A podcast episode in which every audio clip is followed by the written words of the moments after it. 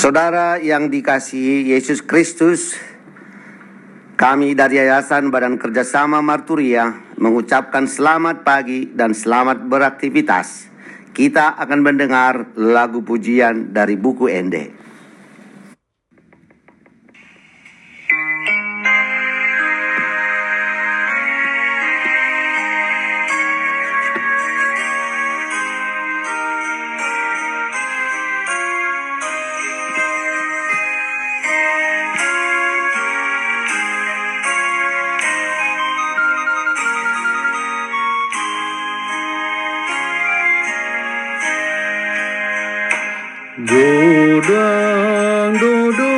sanita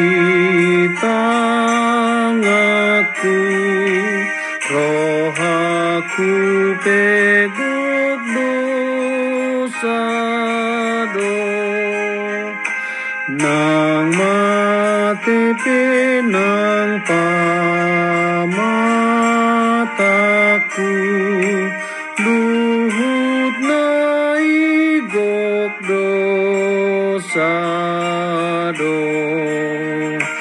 Sai se sana sa dosa ki Marhite hite mudarmi.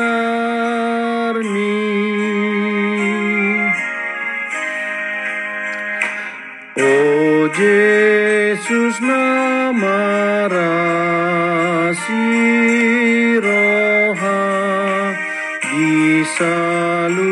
tersebut pordosai Odihon hami ainan jora Dohami mangulahoni Sai se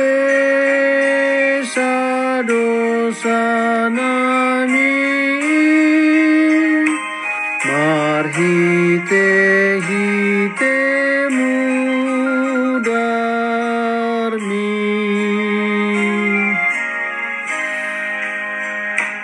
Tanganku bergelimang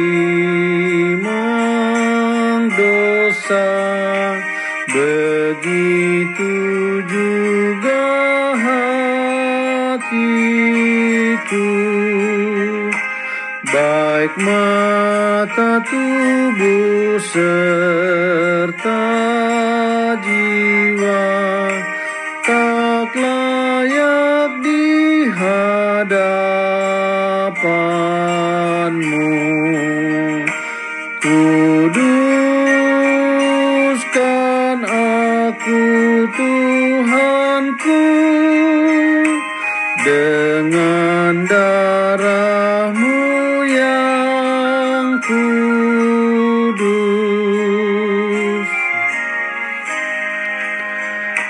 Ya Yesus Tuhan Raja kasih Kasihanilah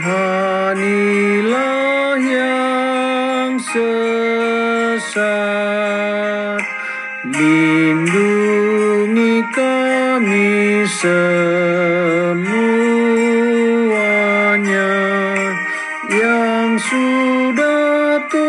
tobat dan jerah Ampuni dosa semuanya Dengan darahmu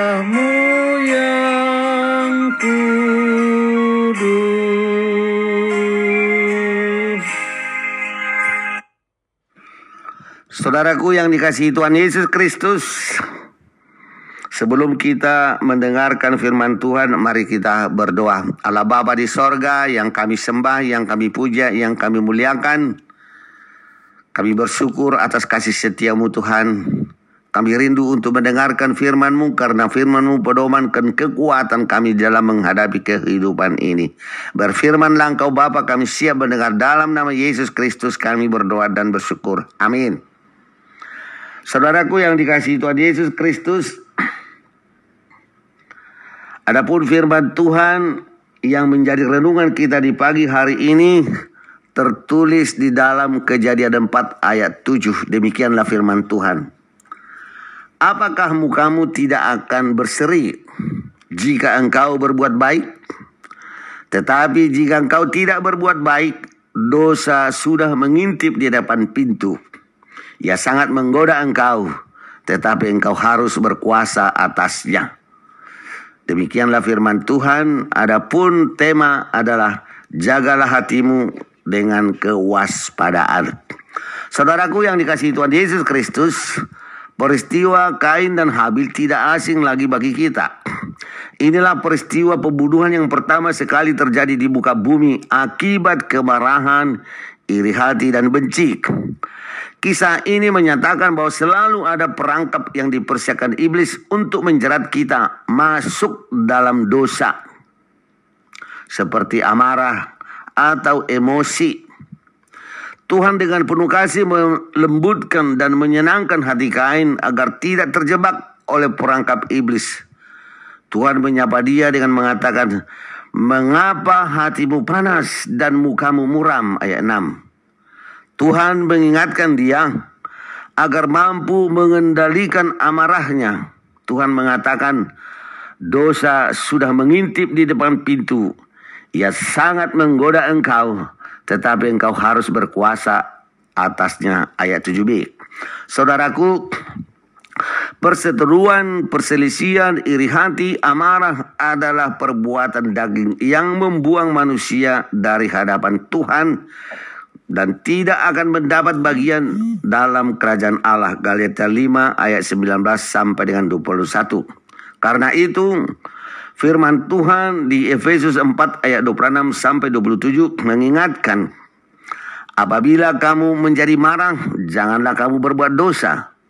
Janganlah matahari terbenam sebelum padam amarahmu dan janganlah beri kesempatan kepada iblis.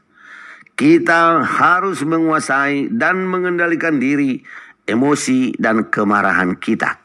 Saudaraku, agar kita dapat menguasai dan mengendalikan diri terhadap emosi dan kemarahan itu, kita harus mau dengan ketulusan dan kerendahan hati memohon pertolongan Tuhan untuk menjaga dan menguasai hati sebab hati adalah sumber semua perilaku, perbuatan dan tingkah laku manusia.